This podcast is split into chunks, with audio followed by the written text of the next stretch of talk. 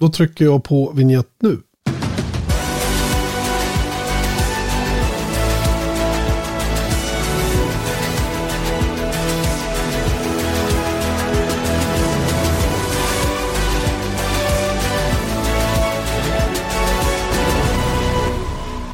Alla Formel 1-törstande människor gillar när den där vignetten drar igång. Hoppas jag i vilket fall som helst. Mycket välkomna till Viaplay F1 Podcast. Janne Blomqvist, Erik Stenborg.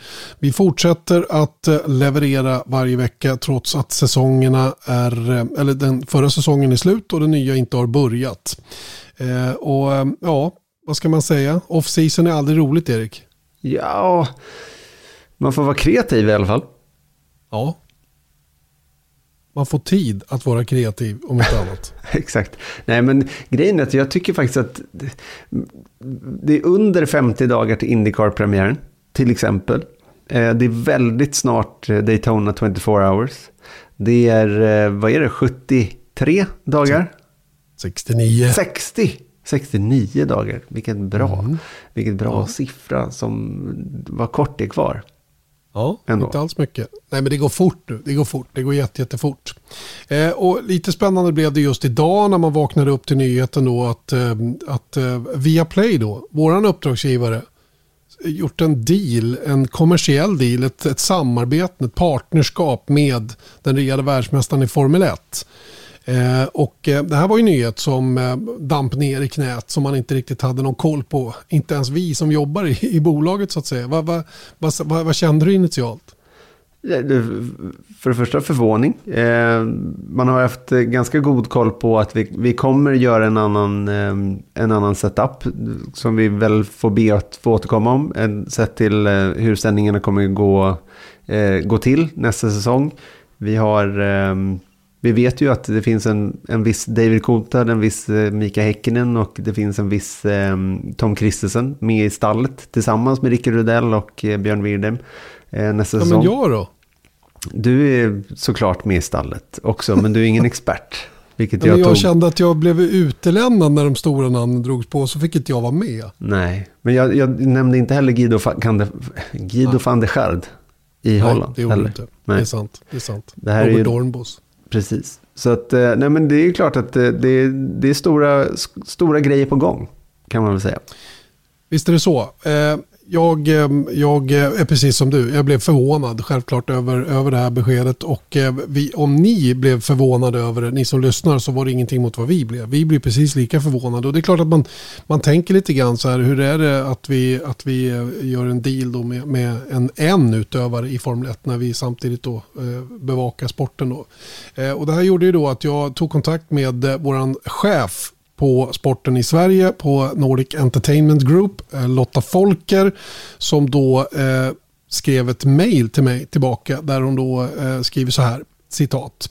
Det här avtalet förändrar inte det journalistiska läget. Vi kommer att bevaka och bedöma Max Verstappens prestationer på exakt samma sätt som tidigare och på exakt samma sätt som vi bevakar och bedömer hans konkurrenter.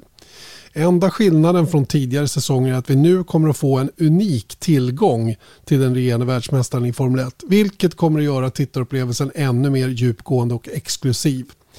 Eh, och här kommer den viktiga delen. Då. Den kommersiella delen av det här avtalet ger också möjlighet att använda Max Verstappen i marknadsföringssyfte i alla länder där Viaplay äger Formel 1-rättigheterna.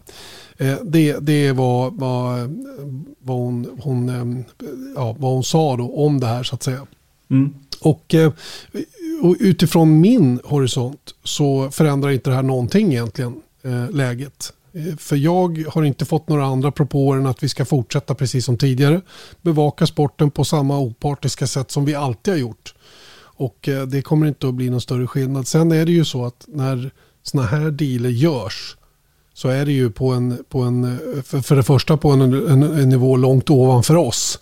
Eh, och eh, det, är ju, det är ju business i stor business där och inte minst då när man har tagit över marknaden i, i Nederländerna då, vilket, vilket Viaplay alltså har gjort. Mm. Precis, jag, jag, jag, ska inte svära på det här. Jag tar inte gift på det i alla fall. Men att det fanns en liknande deal tillsammans med Max Verstappen och Siggo. När eh, de sände Formel 1 fram till och med förra året. Så att, eh, ja, det är inte något helt unikt heller. Eh, verkligen inte. Och sen, sen är det en mycket större fråga huruvida mediebolag ska göra sådana grejer och så vidare. Va? Men utifrån våran horisont så är det ingenting som har förändrats och uppenbarligen inte heller då från våran chefshåll som, eh, som menar att det här är, det är ingenting som kommer att ske eh, och, och, och, ehm, och förändrar läget som vi har haft tidigare då och, eh, och framöver. Nej, gott så. Eller? Mm. Ja, det får det väl vara. Vi, det, vi har inte så himla mycket mer att tillägga om det. Vi får väl se vad det ger till att börja med. Jag har ingen aning vad det där kommer att bli. Det är ju ganska luddigt än så länge eh, sett till vad det här samarbetet kommer att leda till då för, för oss konsumenter. Om jag ser mig själv som en konsument också då. Mm. Du, du gjorde inget löp, eh, så låt mig hoppa in och säga att eh, lite senare i den här podden så kommer vi eh, ta det här ämnet runt arbetsbelastningen i Formel 1, runt den här kommande eh, väldigt långa Formel 1-kalendern med 23 race, alltså 23 race på 38 helger eh, som ska genomföras. Och då har vi pratat om det ett tag, att vi skulle ta perspektivet från en mekaniker och därav kommer Charlie Häggstam, våran go-to-guy vad gäller F1-mekaniker i, i Sverige, eh, ska få ge sitt perspektiv lite på det här och eh, en intressant diskussion kommer lite senare i podden. Men jag har också förberett någonting till dig, Janne, som oh. du inte känner till än.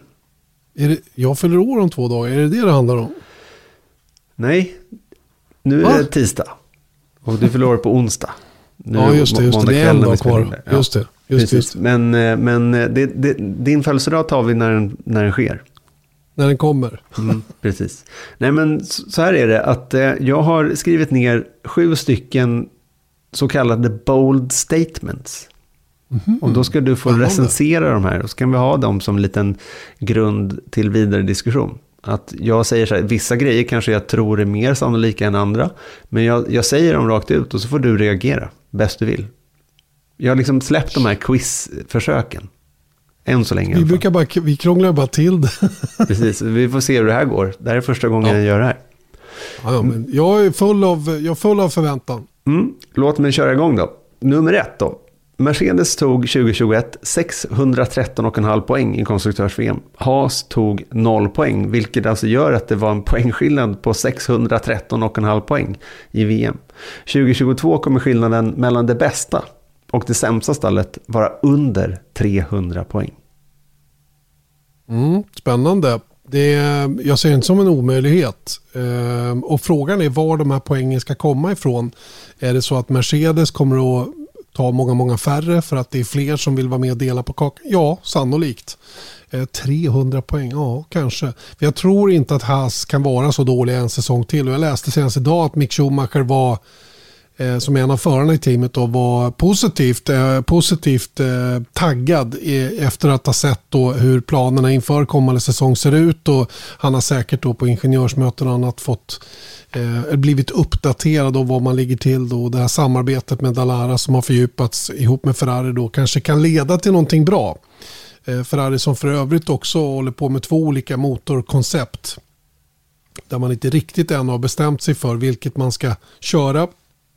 Man håller på in i det längsta med att bestämma sig för det här. Och, och även bilen verkar vara någonting som man eh, som, ja, som eventuellt kan vara lite speciell. Vi får se lite grann hur det blir med den saken. Men eh, jag tror att det där kan stämma faktiskt. Ditt första eh, bold statement. Mm. Det, sen ska man lägga till då att det var ju fyra team som var alltså över 500 poäng under 2021. Och då räknar jag med Aston Martin, Williams, Alfa och Haas. De, var alltså, de tog under 100 poäng i konstruktörs-VM. Men det jag tänker då på att om det här ska slå in så bygger det precis på den grejen att vissa stall kommer ju ligga i botten. Och det, men sannolikt så är det något stall som släpar och kanske tar ströpoäng. Men sen kanske de kan släpa sig upp till 77 poäng, vilket Aston Martin tog i år. Eh, för att ibland så liksom ja, klämmer de till med lite poäng. Men det bygger då på att alla stall måste liksom ta poäng från varandra hela tiden. Så det, främst så bygger det på att Mercedes inte tar 613,5 poäng. Utan de måste liksom komma ner på 400 poäng någonstans. För 613, det är alltså 30 poäng i snitt då. Mm. Lite knappt eh, per helg. Det är rätt imponerande då med, vad är det, 40, 25 plus 18, det är 43 och så är det bonus för snabbaste varv, 44 poäng då som man kan skrapa upp max. Mm. Ja, så det, men det bygger på att det är väldigt jämnt i toppen, vilket jag hoppas på då. Och inte bara att det är de här tre teamen, utan att det kanske är en, helt plötsligt kommer alpin och dominerar en helg och sen så är de lite sämre nästa helg och sånt där. Så det, det är mycket som ska gå, slå väl ut för att det där ska slå in. Men visst hade det varit coolt. Mm. Låt oss se om det stämmer då. Mm. Vi får veta om eh, tio månader, elva. Precis, ja, man, man kommer nog få en ganska god indikation redan i juni skulle jag säga. Ja, säkert. säkert. Vi fortsätter då. Nästa bold statement. Alla team tar 2022 en pallplacering. Oh, nej, nej, nej. Inte en chans. Det tror jag däremot inte. Eh, det är fortfarande smalt där uppe på toppen. Så att eh, jag tror inte, jag tror att det är långt ifrån alla team som kommer att göra kan vi ha Kan vi ha fem team? Kan vi ha hälften av griden? Som har möjlighet att ta en pallplats den här säsongen så är det bra. Mm. Men då vill, jag, det, jag då vill jag bara liksom lägga till en fotnot. Du gick i min fälla, vilket jag mm. hoppades på lite grann. Mm. Det var ju att det mm. var, det är tio team i Formel 1. Åtta tog under 2021 en pallplats. Mm. Det hade man inte trott. Och Williams var en av dem. De som mm. inte tog pallplats var egentligen Alfa Romeo och eh, Haas. Resten gjorde det. Jag tror i alla fall inte det stämmer. Inte, inte ens om, om vi då betänker de här under 300 poäng som vi gick igenom. Nej, för att eh, det, det, nej, jag tror faktiskt inte det. Jag tror att det fortfarande kommer att vara en ganska tydlig topp som tar hand om pallplatserna. Eh, och innan den här säsongen var det ju väldigt magert med vilka team som var etta, två eller trea. Eh, den här säsongen som vi hade nu blev ju lite speciell av lite olika skäl och, och som öppnade upp. Då. Vi hade alpin som lyckades vinna och vara på pallen en gång till och dubbelseger för McLaren och vi hade Alfa Tauri som, som var tillbaka på pallen igen och så vidare. Så att, ja, jag tror att de där freak-resultaten mm, inte så övertygad om att det, att, det, att det blir. Däremot så tror jag att alla team kommer att kunna vara topp 6. Det tror mm. jag. Men på pallen, alla team, nej, det tror jag inte. Mm -hmm, mm -hmm, mm -hmm. Ja, det är inte min plats att och, eh, och, eh, piska dina surt du får, du förvärvade får, svar. Du, du, får komma med någon bra motargument här. Men eh, så ser jag på det i alla fall. Just nu. Vi får se. Mm. Det här är ju högst ovetenskapligt också då, med tanke på att vi har inte någon susning om hur de här nya bilarna kommer att prestera i, i förhållande till varandra. Nej, vi har liksom det, inget det, gammalt att falla tillbaka på. Exakt, och det bygger inte ens på magkänsla utan det, det är mer förhoppningar om någonting. Ja, och gissningar. gissningar. Mm. Vidare då, lite mer på, på individnivå. George Russell, Mercedes nya påläggskalv, är med och utmanar om VM-fighten till sista racet. Ja, den är, den är ju svår. Den Say hello to a new era of mental health care. Cerebral is here to help you achieve your mental wellness goals with professional therapy and medication management support. 100% online. You'll experience the all new Cerebral Way, an innovative approach to mental wellness designed around you. You'll get a personalized treatment plan from a therapist, prescriber, or both in a safe and judgment free space. Your Cerebral therapist or prescriber will outline a customized plan with clear milestones along the way so you can get to feeling your best. With Cerebral, you're not alone in your mental health journey. We're here to empower you to live a fulfilling life. So take that first step towards a brighter future and sign up today at cerebral.com slash podcast and use code ACasts to get 15% off your first month. Offer only valid on monthly plans. Other exclusions may apply. Offer ends July 31st, 2024. See site for details. Jätte, jättesvårt att, att liksom tycka någonting om. För det, det, det, är för mycket som är för ovisst för att egentligen veta om man kommer att ha den möjligheten. Jag säger så här, rent förarmässigt har han alla möjligheter att göra det. Och om Mercedes är precis så vassa som de har visat sig att vara nu, sen 14 och framåt, så, så eh, alltså, om, vi bygg, om vi bygger hela resonemanget på att de fortsätter att vara lika bra, trots det helt nya reglementet så tror jag absolut att det finns en möjlighet att George Russell är med och slåss om VM-titeln hela vägen fram till det sista racet. Absolut. Ja, alltså, och, och det är egentligen frågan. Om man, om man ser det så att ponera att Mercedes är bra. Och det frågan är så här, kan, om Mercedes är bra 2022, kan han hålla sig i de där 44 poängen i närheten, alltså inom 44 poäng för Lewis Hamilton, eller från Lewis Hamilton fram till sista racet, ja, då är han med och utmanar VM i, i praktiken. Inom 26 menar du? 26 är det, korrekt. Mm. 44 mm. poäng var någonting helt för annat. Båda. Mm. Det är för båda bilarna. Mm. Eh, ja, fortsätt. Mm. Daniel Ricciardo blir bästa McLaren-förare 2022. Ja, men det är, inget, det är inte något jättelångskott. Eh, det tycker inte jag. Eh, Daniel Ricciardo är otroligt bra racerförare. Han fick en riktig magpumpare under säsongen 2021. Eh, han, han stötte på en, eh, en situation som han var väldigt, väldigt ovan vid. Eller är väldigt ovan vid. Jag tror inte han har råkat ut för den här typen av motgång på det sättet någon gång tidigare i karriären. Utan det här var helt nytt för honom. Han ställdes alltså, jag menar en kille av hans kaliber och den kurva som han har haft då ända från, han körde F3 när jag träffade honom första gången i Macau. Eh, genom World Series, eh, in i HRT, in i Toro Rosso, in i Red Bull, där han var teamleader faktiskt 2014 över Sebastian Vettel och så vidare. Och så resan som han har haft och skapat sig ett stort starkt namn.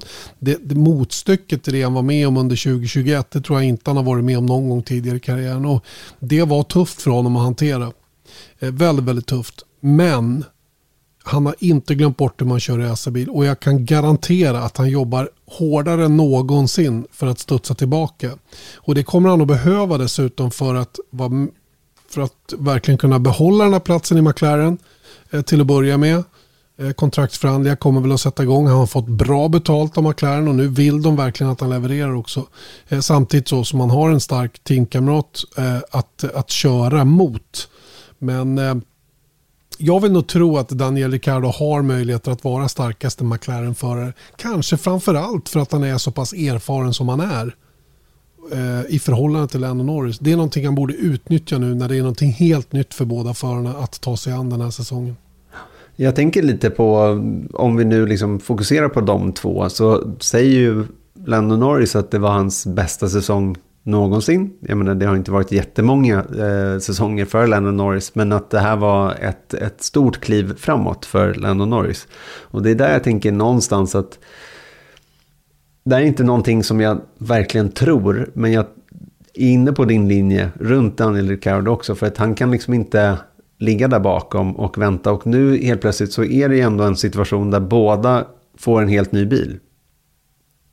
Norris hade varit där några år innan och liksom lärt sig den där och liksom komma in i ny, eh, nytt stall och sånt där är aldrig positivt. Det är få som säger att det, är liksom, det ger mig någonting eh, extra. Och jag blir automatiskt snabbare i det här, i det här stallet. I jämförelse med sin teamkamrat som kanske varit där tidigare.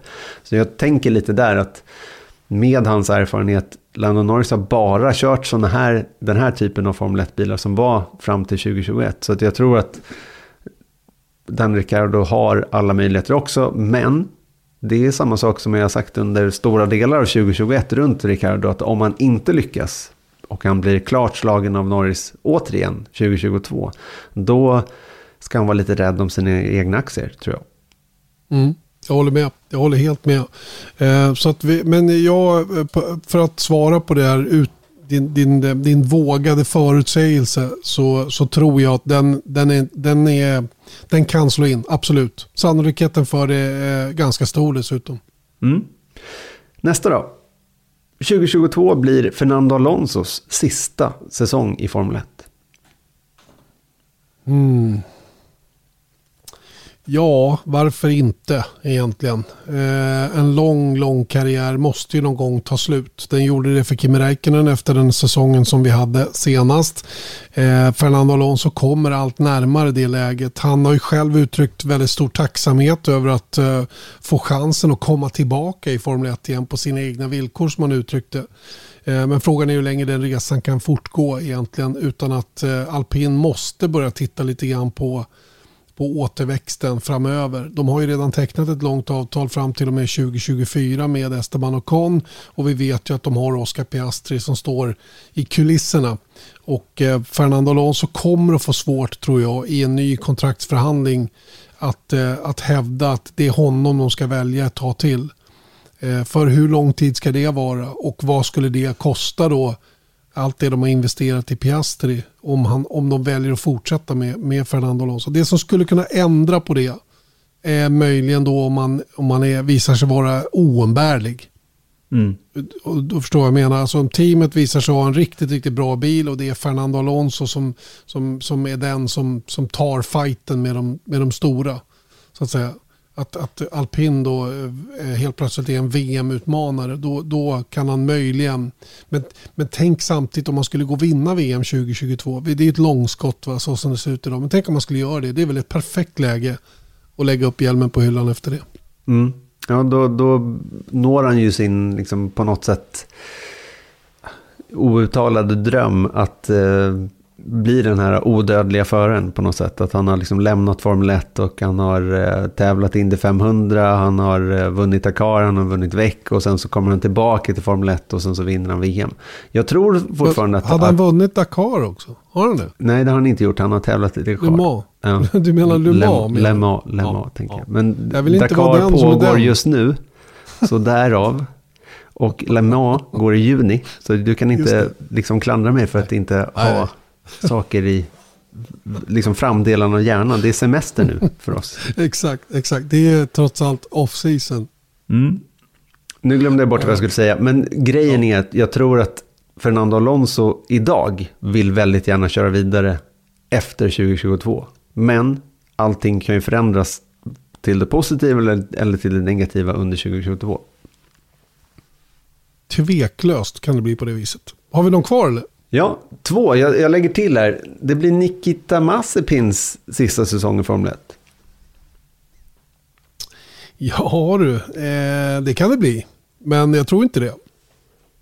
Jag tror att han eh, i kraft av sitt starka stöd ekonomiskt då, från framförallt pappa då, säkerställer en karriär som eh, kommer att fortsätta över två säsonger, mer än två säsonger.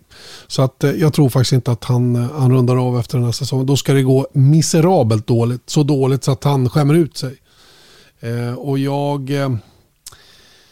Ja, han har ju verkligen inte blomstrat så här långt sedan han kom in i Formel 1.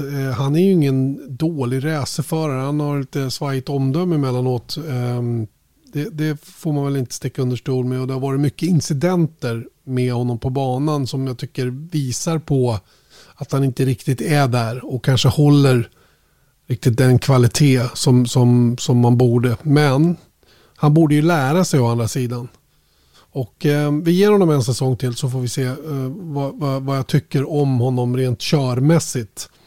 Eh, men, men eh, jag tror som sagt att hans, eh, hans support ekonomiskt kommer att hålla honom kvar i, i fler än två säsonger i Formel 1. Mm.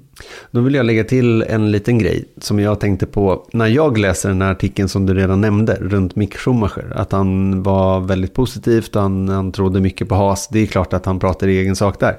Men om det skulle vara så att Haas är en så här topp tre team plötsligt. Då får, det ju svårt, då får ju Haas eller Nikita Mazepin får ju svårt att hänga kvar i ett så bra team till 2023. Det är det jag tänker. Mm. mm. Men allt är ju till, till syvende och sist så handlar det ju om vad, vad de bidrar med från det hållet till teamets budget.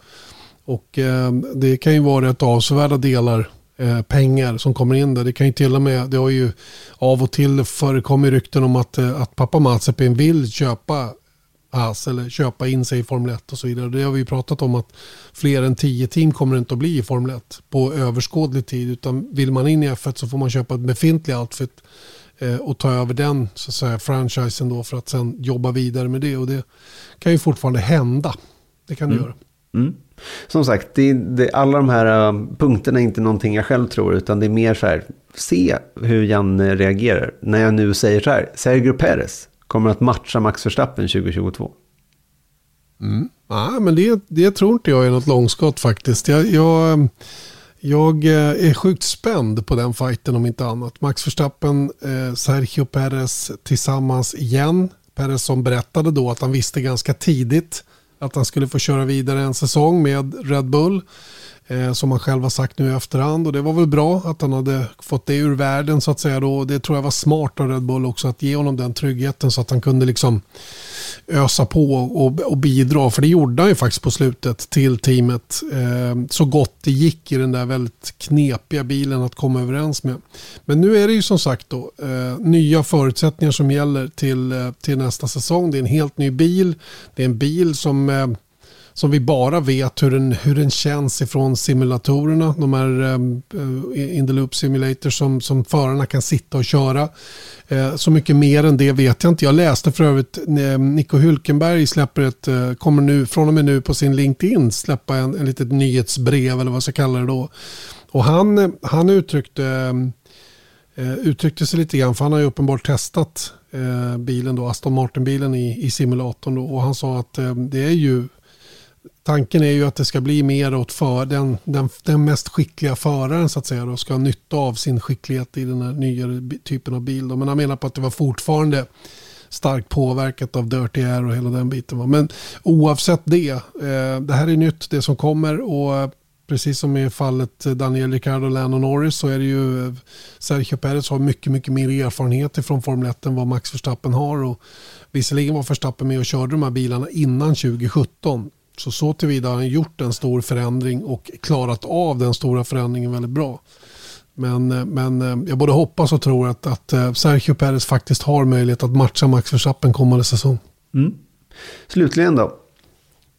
Carlos Sainz vinner VM 2022. Ja du.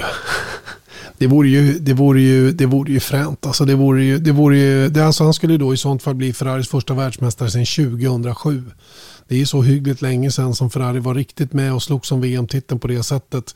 Visserligen hade Fernando Alonso några bra möjligheter, även Sebastian Vettel var med vid någon, någon säsong och, och liksom högg på det. Va? Men, men visst vore det himla häftigt eh, att, att Sainz klarar av det. Jag såg att Helmut Marko hade sagt att eh, han debunked Charles Leclerc säsongen som var. Att han helt enkelt detron If you thought the only way to get a more defined jawline with natural looking results was through surgery, think again. Juvederm Volux XC is a non surgical injectable gel filler that improves moderate to severe loss of jawline definition and can help you achieve natural looking results with little downtime. Even better, this improved definition lasts up to one year with optimal treatment. No maintenance required. Improve jawline definition for a smooth, sculpted look with Juvederm Volux XC. For important safety information and to find a licensed specialist, visit juvederm.com. That's J U V E D E R M.com. Not for people with severe allergic reactions, allergies to lidocaine, or the proteins used in Juvederm. Common side effects include injection site redness, swelling, pain, tenderness, firmness, lumps, bumps, bruising, discoloration, or itching. There's a risk of unintentional injection into a blood vessel, which can cause vision abnormalities, blindness, stroke, temporary scabs, or scarring. Talk to a licensed specialist specialist to find out if it's right for you. kommunicerade eh, Charles Leclerc eh, den senaste säsongen genom att bli bästa Ferrari-förare poängmässigt. Och det är, det är fasen inte vem som helst som blir det. Starkare Nej. än Charles Leclerc på Charles Leclercs hemmaplan om man kan uttrycka mig det, på det viset. Då. Eh, självklart är det så att Carlos Sainz möjligheter att bli världsmästare 2022 bygger helt och hållet på vad Ferrari lyckas skaka framför bil. Men har han kapaciteterna, är han, en, är han ett världsmästarämne rent körmässigt? Jag börjar nästan att tro det. Mm. Så att, why not? Då Erik, ska vi byta ämne du och jag för då har vi eh, kommit fram till den här punkten som handlar om eh, ett drömjobb för många. Eh, ett tufft jobb för många, minst sagt. Eh, vi pratar förstås om att jobba som Formel 1-mekaniker och vi har ju nåtts av uppgifter om att det finns, eh, det finns vissa som börjar tycka att måttet är rågat nu när det gäller arbetsbelastningen i depån. Och det här blir ju ett, ett större och större problem. Mm. Det blir ju det. För, alltså, vi har tagit upp det i, från vår egen synvinkel så att säga med eh, de här 23 racen som eh, komma skall då under, under 2022. Och även då pratade om det i teamens, eh, liksom, teamens situation. Men poängen här är ju också att det är 23 race, det är den längsta F1-kalendern genom alla tider. Men det är också på en otroligt kort tid sett till året. Det börjar i slutet av mars och sen så är det klart redan i slutet av november. Normalt sett, jag menar de senaste åren så har vi gått in en bra bit i december. Men just för att eh, undvika fotbolls-VM i Qatar så blir liksom säsongen dessutom komprimerad. Vilket gör då att det blir otroligt många double headers, det blir triple headers och det är över hela världen som Formel 1 ska tävla. Mm. Och vår go-to-guy när det gäller Formel 1-mekaniker är förstås vår för detta Formel 1-mekaniker Charlie Häggstam. Eh, Virgin, Caterham med flera. Även eh, flera år i GP2. Eh, Charlie, kan du förstå de här farhågorna som börjar dyka upp nu från vissa? Eller det börjar liksom att gry någonting in i depån att, att eh, det är helt enkelt för mycket nu? Ja, absolut. Det kan jag absolut förstå. För liksom, det, är, det är mycket jobb och det är mycket tid hemifrån. Och dels mycket resande också. Och, och, som, som jag pratade med en idag, han sa att det kan vara väldigt jobbigt till exempel när du är i Europa och sen ska du tillbaks till, eh, sen ska du utanför Europa och sen tillbaks till Europa och sen utanför igen. Det genererar en del extrajobb för all, alla inblandade med lastning och packning och sånt som ingen ser eller vet som inte jobbar med det så att säga. Men, vad, vad, tror du är det tuffaste? Är det själva arbetsuppgifterna eller är det det faktum att man, att man aldrig är hemma? Att man tappar liksom fotfästet i den vanliga tillvaron? Nej, men jag tror det tuffaste är att du aldrig är hemma egentligen. Tror jag, helt klart. För du, du missar så mycket som, som, som du inte märker förrän du slutar jobba med det. Du var ju, som Janne nämnde, teamen, så, men du jobbade som Formel 1-mekaniker under sex säsonger. Var anledningen till att du hoppade av det yrket delvis på grund av arbetsbelastningen? Nej, nej, det skulle jag inte eh, påstå. Utan det, det var ju liksom situationen med team och grejer som uppstod. Jag hade erbjudande att vara nummer två-mekaniker, men då skulle jag få backa tillbaks och det hade jag ingen lust med. Samtidigt som jag fick ett erbjudande om ett vanligt jobb. Och att jag var 35 så det kanske var dags att prova i alla fall ett vanligt jobb en gång. Och sen, ja, sen träffade jag min nuvarande sambo och så vart det barn och så, ja. Och där sitter jag idag. Mm. Och det är ju naturligtvis saker som gör då att, att det blir... Det, det, jag brukar dra parallellen att ligga i lumpen. När man är i lumpen och, och är singel och kanske kommer in i militärlivet så tycker man det är himla häftigt och man kan nästan tänka sig att bli yrkesmilitär i vissa fall tills man får vara hemma i tre veckor. Då, har man knappt, då kommer man knappt ihåg att man har gjort lumpen istället. Eh, var det lite den upplevelsen också att så fort att du kom bort från den här miljön så kände man ganska snabbt att det är väldigt långt att ta sig tillbaka igen. Jo, men precis. Eh, eh, du är ju i en bubbla liksom och umgås bara med likasinnade folk och du, du vet att du missar dina kompisars, vanliga kompisars födelsedagar och bröllop och vad det må än vara. Men när du kommer ur bubblan så ser du ju snart att fan, det är, vi jobbar mest och är borta hela tiden och hur mycket annat än jobba gör jag liksom. Inte så jättemycket mer än en och annan fest då och då och det, det finns ju roligare saker att göra eh, kanske. Eh, för att på något sätt åskådliggöra det här för alla ni som inte är Formel 1-mekaniker då, ska vi ta oss igenom då ett, ett normalrace i Europa då som, som, eh, som börjar egentligen med att ni reser ut då på tisdag men ni kommer till banan på onsdagen och då sätter ju allting igång. Truckisarna eller folk som bygger upp garaget. Vi har alltid folk som hjälper till att bygga upp garaget i alla fall. Eh, så de, det mesta är klart onsdagen bilarna kanske inte är urlastade eller så är de det. Så man börjar egentligen att ta fram sina verktyg och göra det fint, finjustera det sista i garaget för att börja skruva med bilarna. Och sen kan det ju vara så att motorerna sitter inte i. Oftast så har motorerna, sätter man i på banan. Och kanske ibland så är de redan ihopsatta. Men du har, på, på onsdagen är det ingen curfew heller. Så det kan man ju skruva hur länge man vill. Just det, men uh, ungefär hur lång arbetsdag är det då uh, en, i ett normalt team då? inte i ett Virgin eller HRT Nej, när det är tidernas begynnelse. Nej, men nu som i år, då har du inte så mycket mm, utveckling heller. Så jag att jag tror de har varit ganska schyssta i år, så det har säkert varit en tio timmar ungefär. Max skulle jag tro. Mm, tio timmar arbete på banan. Det är ja. ändå en lång ja. arbetsdag. Och det är första dagen när det är ingen curfew och det är ganska låg belastning rent generellt. Mm. Eh, vad händer på torsdagen då? På torsdagen så ska man varmköra. Du ska till FIA-bridgen och du kanske ska... Du gör en setup och du finjusterar allt runt omkring. Det kan ju komma delar också som inte är klara förrän i sista sekund som vanligt. När börjar ni på dagen? För det första, bör, kan börja vid sju. Sju eller åtta. Säg att, man, säg att man åker från hotellet vid sju. Och sen så är det frukost vid nio på banan. För vi brukar alltid äta frukost i, i cateringen så att säga. Och sen så kör man ju tills, tills det är klart. Ibland så är, vi klara, är man klar 6-7 på kvällen och ibland är man klar 10-11. Just det, så det kan vara... Det beror någonstans... precis på vad som, vad som sker. Det kan vara någonstans mellan 12 och 15 timmar då, typ torsdagen. Ja. ja. Eh, och om jag har förstått saken rätt då så måste ni lämna banan eh, senast 12 timmar innan FP1 börjar, stämmer det? Ja, det, ska, det, har, det här har de ökat på genom åren också.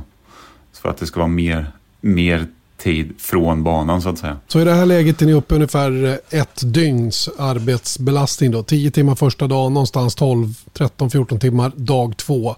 Så kommer vi till dag mm. tre då som är fredag när det börjar att köras. Hur, hur, hur tidigt börjar den dagen?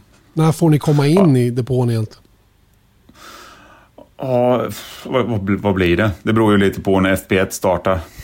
Jag vet att, att curfewn både på fredagen och, och det är den här maxgränsen då som personal i teamen max får vara på banan. Och då är det 15 timmar på, på fredagen och 15 timmar på, på lördagen. Mm. Och, det, och den utnyttjar man till max då, eller? Ja, på fredagen definitivt. För det, fredagen är alltid den värsta dagen skulle jag påstå. Dels med, med tre timmars träning. Som det var. Nu har det lite kortare i, som det var i år eller förra året. Men som det var om tre timmars träning. För då har du oftast gjort i ordning bilen till första träningen. Och sen är det för det mesta en hel del saker som ska bytas, ändras och fixas mellan första och andra träningen. Och sen när den andra träningen är slut, för du är ju alltid en set-down på bilen till exempel och tankar ur och hit och dit så det tar en halvtimme sig. Och sen efter det så är det ju växellådsbyte och ibland motorbyte och sen ska allt gås igenom för att det ska vara tipptopp och inte något...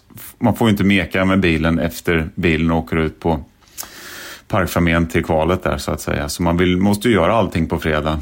Och när du har varmkört och gjort allt annat, och setup och grejer klart, då ska du ju också ner till FIA-bridgen och kolla bilen igen. Just det. Och det sista som händer innan man åker hem på fredag kväll, det är en startup så att man har varmkört en eventuell ny motor och sett till att alla system fungerar. Nej, det gör det ju så fort motorn är i och växellådan är på. Det är det första du gör egentligen. Och varmkör och kollar så alla system och växellådor och motorer fungerar. Så annars skruvar ihop hela bilen och varmkör det sista du gör, då kanske du får börja om igen. Tur att inte jag är chefsmekaniker och lägger schemat. Eh, Okej, okay. eh, och, och sen är vi framme vid lördag då som är en av de enklare dagarna så att säga. Då. Det är en träning och ett kval och sen har ni då Park Fermé då som inträder så fort kvalet börjar. Det betyder ju då att när ni får tillbaka bilen efter kval, vad, vad händer då? Ja, men då har man ju alltid inlämnat en lista av saker som man, som man vill eh, ha fått godkänt av Fia och få titta på så att säga. Du kanske vet att du har en bristning på någonstans, du vill ta av och runka den delen eller du tar ju alltid av golvet och tittar under och, ifall, och du letar ju egentligen efter fel som du tror skulle kunna stoppa eh, eller orsaka en DNF eller någonting. Och om du hittar någonting som du vill byta så får du gå till Fia och säga att okej, okay, vi behöver titta på det här för vi tror att det här kan hända.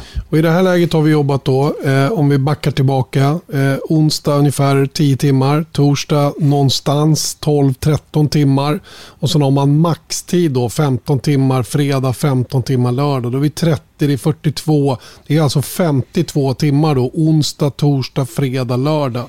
Och då har vi eh, race-dagen kvar. Hur, hur, hur, och där är det samma sak, ni får inte komma in i depån allt för tidigt. Fem timmar före start tror jag det är fortfarande. Och, och så länge allting är okej okay, så det första du gör det är att sätta på värmare och sånt på bilen och så varmköra så gör du en koll igen. Så det inte har hänt något över natten för en F1-bil kan faktiskt gå sönder i sömnen. Det har hänt. Så det, det kollar man ju först. Sen är det ju nästan en, en eh, du kanske har lite depåstoppträning eh, och sen är det ju bara egentligen en liten väntan tills racet kommer. Är det ju. Så söndagen kan ju vara lugn, men den kan också vara väldigt hektisk om du har en krasch på kvalet eller ja, det har hänt någonting eller ett motorbyte eller vad det nu må, nu må vara. Men söndagen må ju låta lite lugnare i det avseendet mitt på dagen, men desto mer att göra efter racet och, och nerpackning och sen ska ni vidare. Ungefär när är man klar på söndag kväll? En normal eh, Europahelg. Mm, sex timmar efter målgång. Det, det, ungefär. Så är det alltså? Ja, men det är ungefär, ja, sex timmar efter målgång ungefär. Mm. Och då är det raka vägen till flygplatsen i stort sett? Nej, vi har väl alltid flygt, flugit dagen efter. Eh, sex timmar efter målgång då. Vi ponerar att vi går i mål då halv fyra. Så det är klockan halv tio på kvällen då. Och då började ni fem timmar innan start och vi säger att starten är klockan två. Så betyder det att ni får komma in då klockan nio. Så mm. nio till 10. Det är ytterligare då 12-13 timmar då att lägga till de här vi hade tidigare. Eh, och då är allting avslutat för eran del. Då. Trackisar och sådana saker, de tar ju över nu. Men har de varit med och hjälpt till att packat och, och fixat så att ni är färdiga att resa därifrån? Ja, det, alltså, det finns ju alltid extra personal som kör lastbilarna. De är ju inte med och de brukar flygas in och eller ligga på hotell eller någonstans. Om det är ett Europarace så är de borta ifrån banan. Men kommer in så fort de, de får på banan på söndag eftermiddagen och börjar packa runt omkring. Och sen så, då har ju inte de jobbat så många timmar. Nej. Så de kan sätta sig i lastbilen och köra.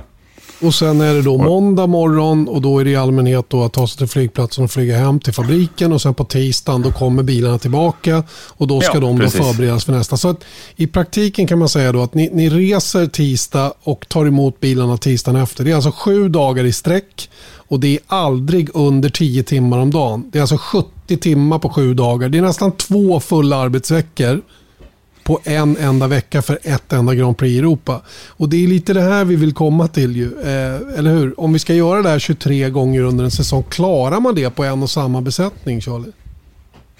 Nej, men alltså det är ju slitigt. Det är väldigt slitigt. För liksom, det som jag säger, det är, inte, det är inte så att du går och sparkar på lite däck och inte gör någonting. Utan det är alltid eh, attention to detail hela tiden.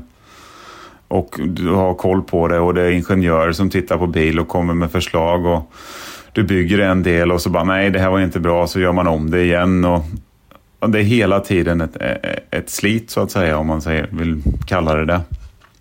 Jag hade ju kontakt med en, eh, en mekaniker som är chefsmekaniker i ett av stallen eh, tidigare under året. Och eh, då menade han att det var ungefär 13, 13,5 timmes arbetsvecka. Men det som han poängterade var just den här grejen med de här back to back to back, eller triple headers som vi kallar det. Att då blir liksom en arbetsvecka inte sju dagar utan det blir nio dagar. För att man liksom börjar på måndagen och sen är man inte klar förrän på tisdagen. Eh, veckan därpå egentligen. Och sen så om det är en, en, eh, ett race till då, då, då håller du på liksom i, i kanske, tänk dig sju dagar plus nio. Så det mm. blir liksom 16 dagar, så det tar liksom aldrig slut. Nej. Och 13,5 timmar då varje dag, sa du så? Ja, mm. exakt. Mm. Och dessutom då ska man komma ihåg, och nu låter det som att här, vi, vi försöker spä på det här, men det är ju helt sjukt när man tänker på det. Att ovanpå det då, så visst du jobbar mycket, men du är också en, en eh, det, det som det här stallet då förväntas ha en, i resdagar för den här chefsmekanikern är 189 dagar under 2022. Och det inkluderar då tester, tester efter säsongen och, det, och eh, alla race, 23 race då. Så 189 dagar ska han dessutom vara borta då, hemifrån. Så då kan man ju fråga sig så här, hur har man ett fungerande liv i övrigt? Har man det överhuvudtaget?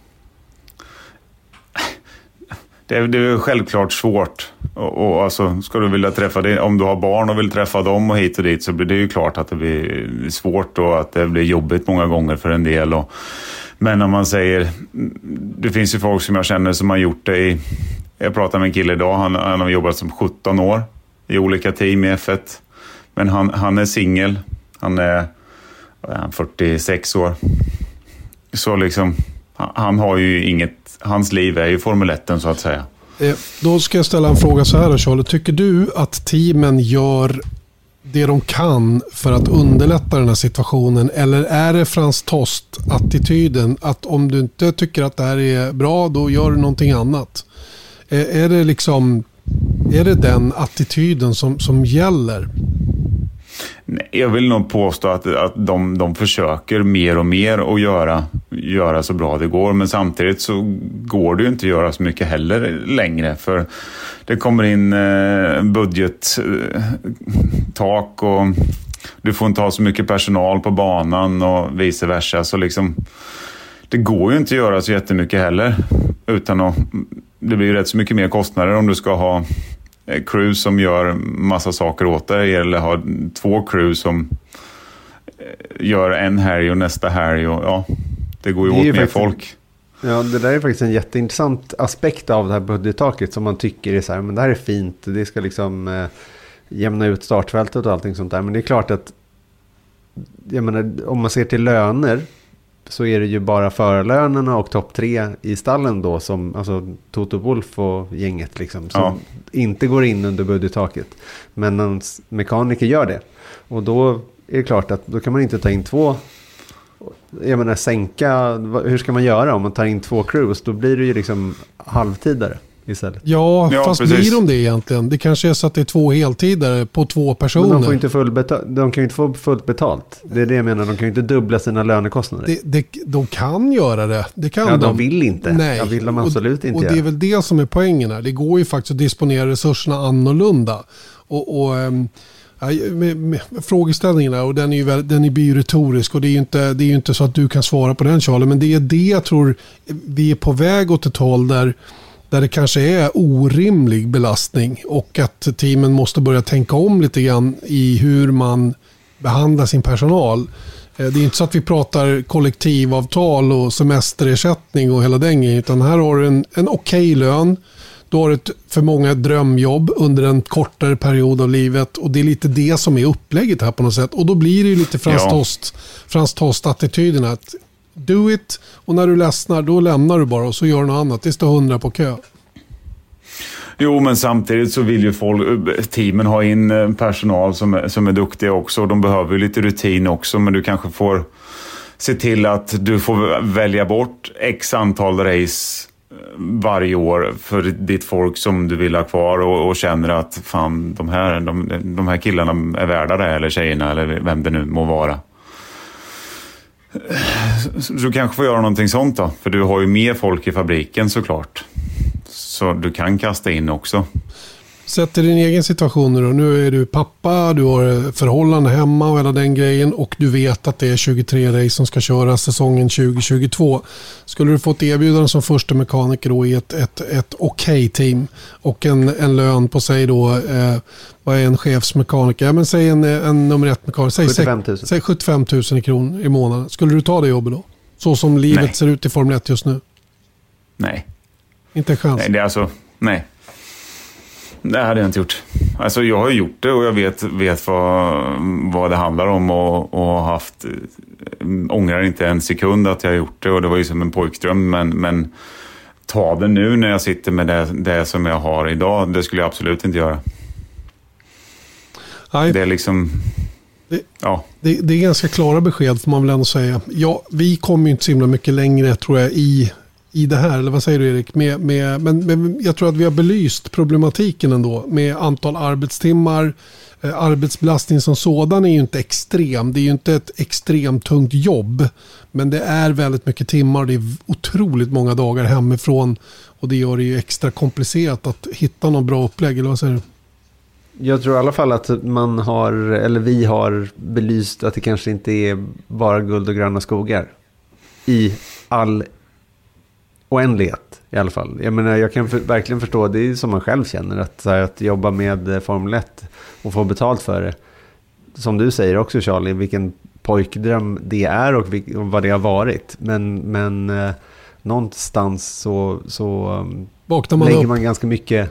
Ja, men det blir också någon, det finns en baksida. Ja, ja absolut. Visst gör det det.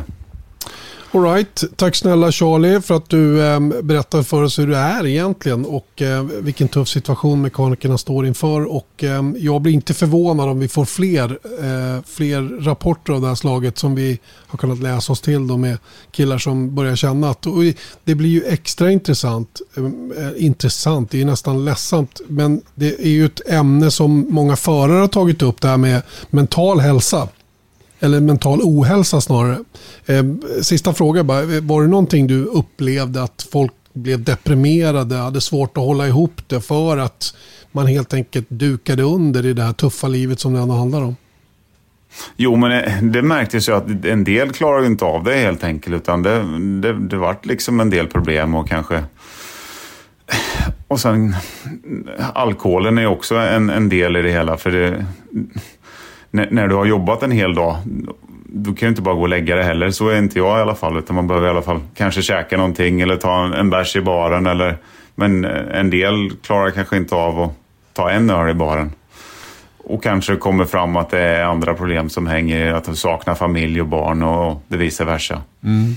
Och attityden då i gänget, grupptryck, eh, vågar man outa om man är illa ute på något sätt? Jo, men det är bra gemenskap liksom. Man, man, man stöttar varandra, absolut. Hela tiden. Det är ju gott att höra i alla fall att det är på det viset. Det, det gör ju att det finns lite hopp i alla fall. För jag kan tänka mig att de där exemplen på människor som, som tycker det är tufft blir, kommer att bli fler. Och eh, jag tycker nog att teamen behöver ta det här på allvar i alla fall framöver för att se hur, hur man kan skapa en dräglig situation för alla, alla inblandade. Eh, återigen, tack Charlie. Eh, superbra att få dina synpunkter på det hela. Vi kommer garanterat att höra det fler gånger under säsongen. Eh, nu önskar vi eh, gott, eh, god fortsättning och allt det där. Och, och du tar det lugnt på hemmaplan. Detsamma. Ha det bra. Tack, tack. Ja, det var Charlie Häggstam det. Alltid kul att prata med Charlie. Det är skrämmande siffror måste jag säga. Ehm, jag vet att en del kanske tycker att vi sitter och fiskar efter att man ska tycka att det är för jävligt. Det mekanikerna är ute efter. Men jag tycker det är viktigt ändå att belysa hur många timmar de ändå jobbar på en vecka. Att jämföra dem med alla oss andra då som jobbar vanliga veckor, 40 timmars vecka och tycker det är segt. Och dessutom får de här killarna aldrig vara hemma heller. Visst, man är, man är en speciell typ som jobbar i Formel 1 på Det är ingen tvekan om den saken. Och, och, och, man är beredd att offra rätt mycket för att få ha det här jobbet som för många är ett drömjobb. Men offret tror jag kan vara väl stort för vissa. Och nu när vi är uppe i så här många race. Jag tror teamen ska vara väldigt försiktiga med att, att, att ignorera det i alla fall. Mm. Ja, det är något av en eh, mardröm för mig alltså, att ta det där jobbet. Och, och apropå av samma anledningar som, som Charlie nämnde där, att liksom det man har hemma och allting sånt där, att liksom behöva göra det där. Sen så tror jag däremot att, fråga mig för tio år sedan, så hade det varit ett drömjobb istället. Mm. Jag, vet att, jag vet att jag och Eje diskuterade frågan då, för det dök ju upp lite så här Eh, jobb som eh, junior press officer och sådana grejer. Och så, du vet när man, när man var, säg att man var, eh, säg 15 år sedan. Mm. Och, och, han sa direkt, nej, nej, nej, ta inte det där. Det är ett jävla skitjobb. Liksom. Det, du, du, det är liksom, du kommer bara bli hunsad och, och fara runt där och det är slitsamt och hela den grejen. Va? Jag har ju aldrig varit liksom tilltänkt som mekaniker på det viset. Va? Men idag kan jag ju liksom förstå vad Eje menade med, med det då när man, när man pratade om det. Men, men återigen, det, det finns en, det, det har en dragningskraft att jobba i Formel 1 som, som är svår att förstå om man inte har varit med i sporten. Mm. det är ju det. Det är ju svårt att gå ur, liksom, gå ur de där grindarna för sista gången. Om man vet om att det sker, det, det är tufft. Tror jag. Ja, ja visst är det det. Visst är det, det. Ja, vi får se hur, eh, hur teamen hanterar det här och hur snacket kommer att gå då under den här säsongen som alltså är eh, betydligt mer komprimerad än fjolåret. Eh, som du var inne på tidigare då eh, är det alltså 23 race på 38 helger och det är ju otroligt tajt. att hinna med då från 20 mars fram till och med den 20 november alla de här 23 loppen. Och det är det lite grann som är problematiken den här gången att de får nästan aldrig vara hemma. Och eh, det kan ju göra saker och ting än värre. Det får väl, det får väl vara det hela det. Det får det för, vara. För den här veckan. För den här veckan. Mm. För den här veckan ja. För att nästa vecka är vi tillbaka så även hela vintern och hela nästa säsong och hur länge som jäkla helst. Eller hur? Så är det. Ha det gött så länge hörni. Hej då! Hej då!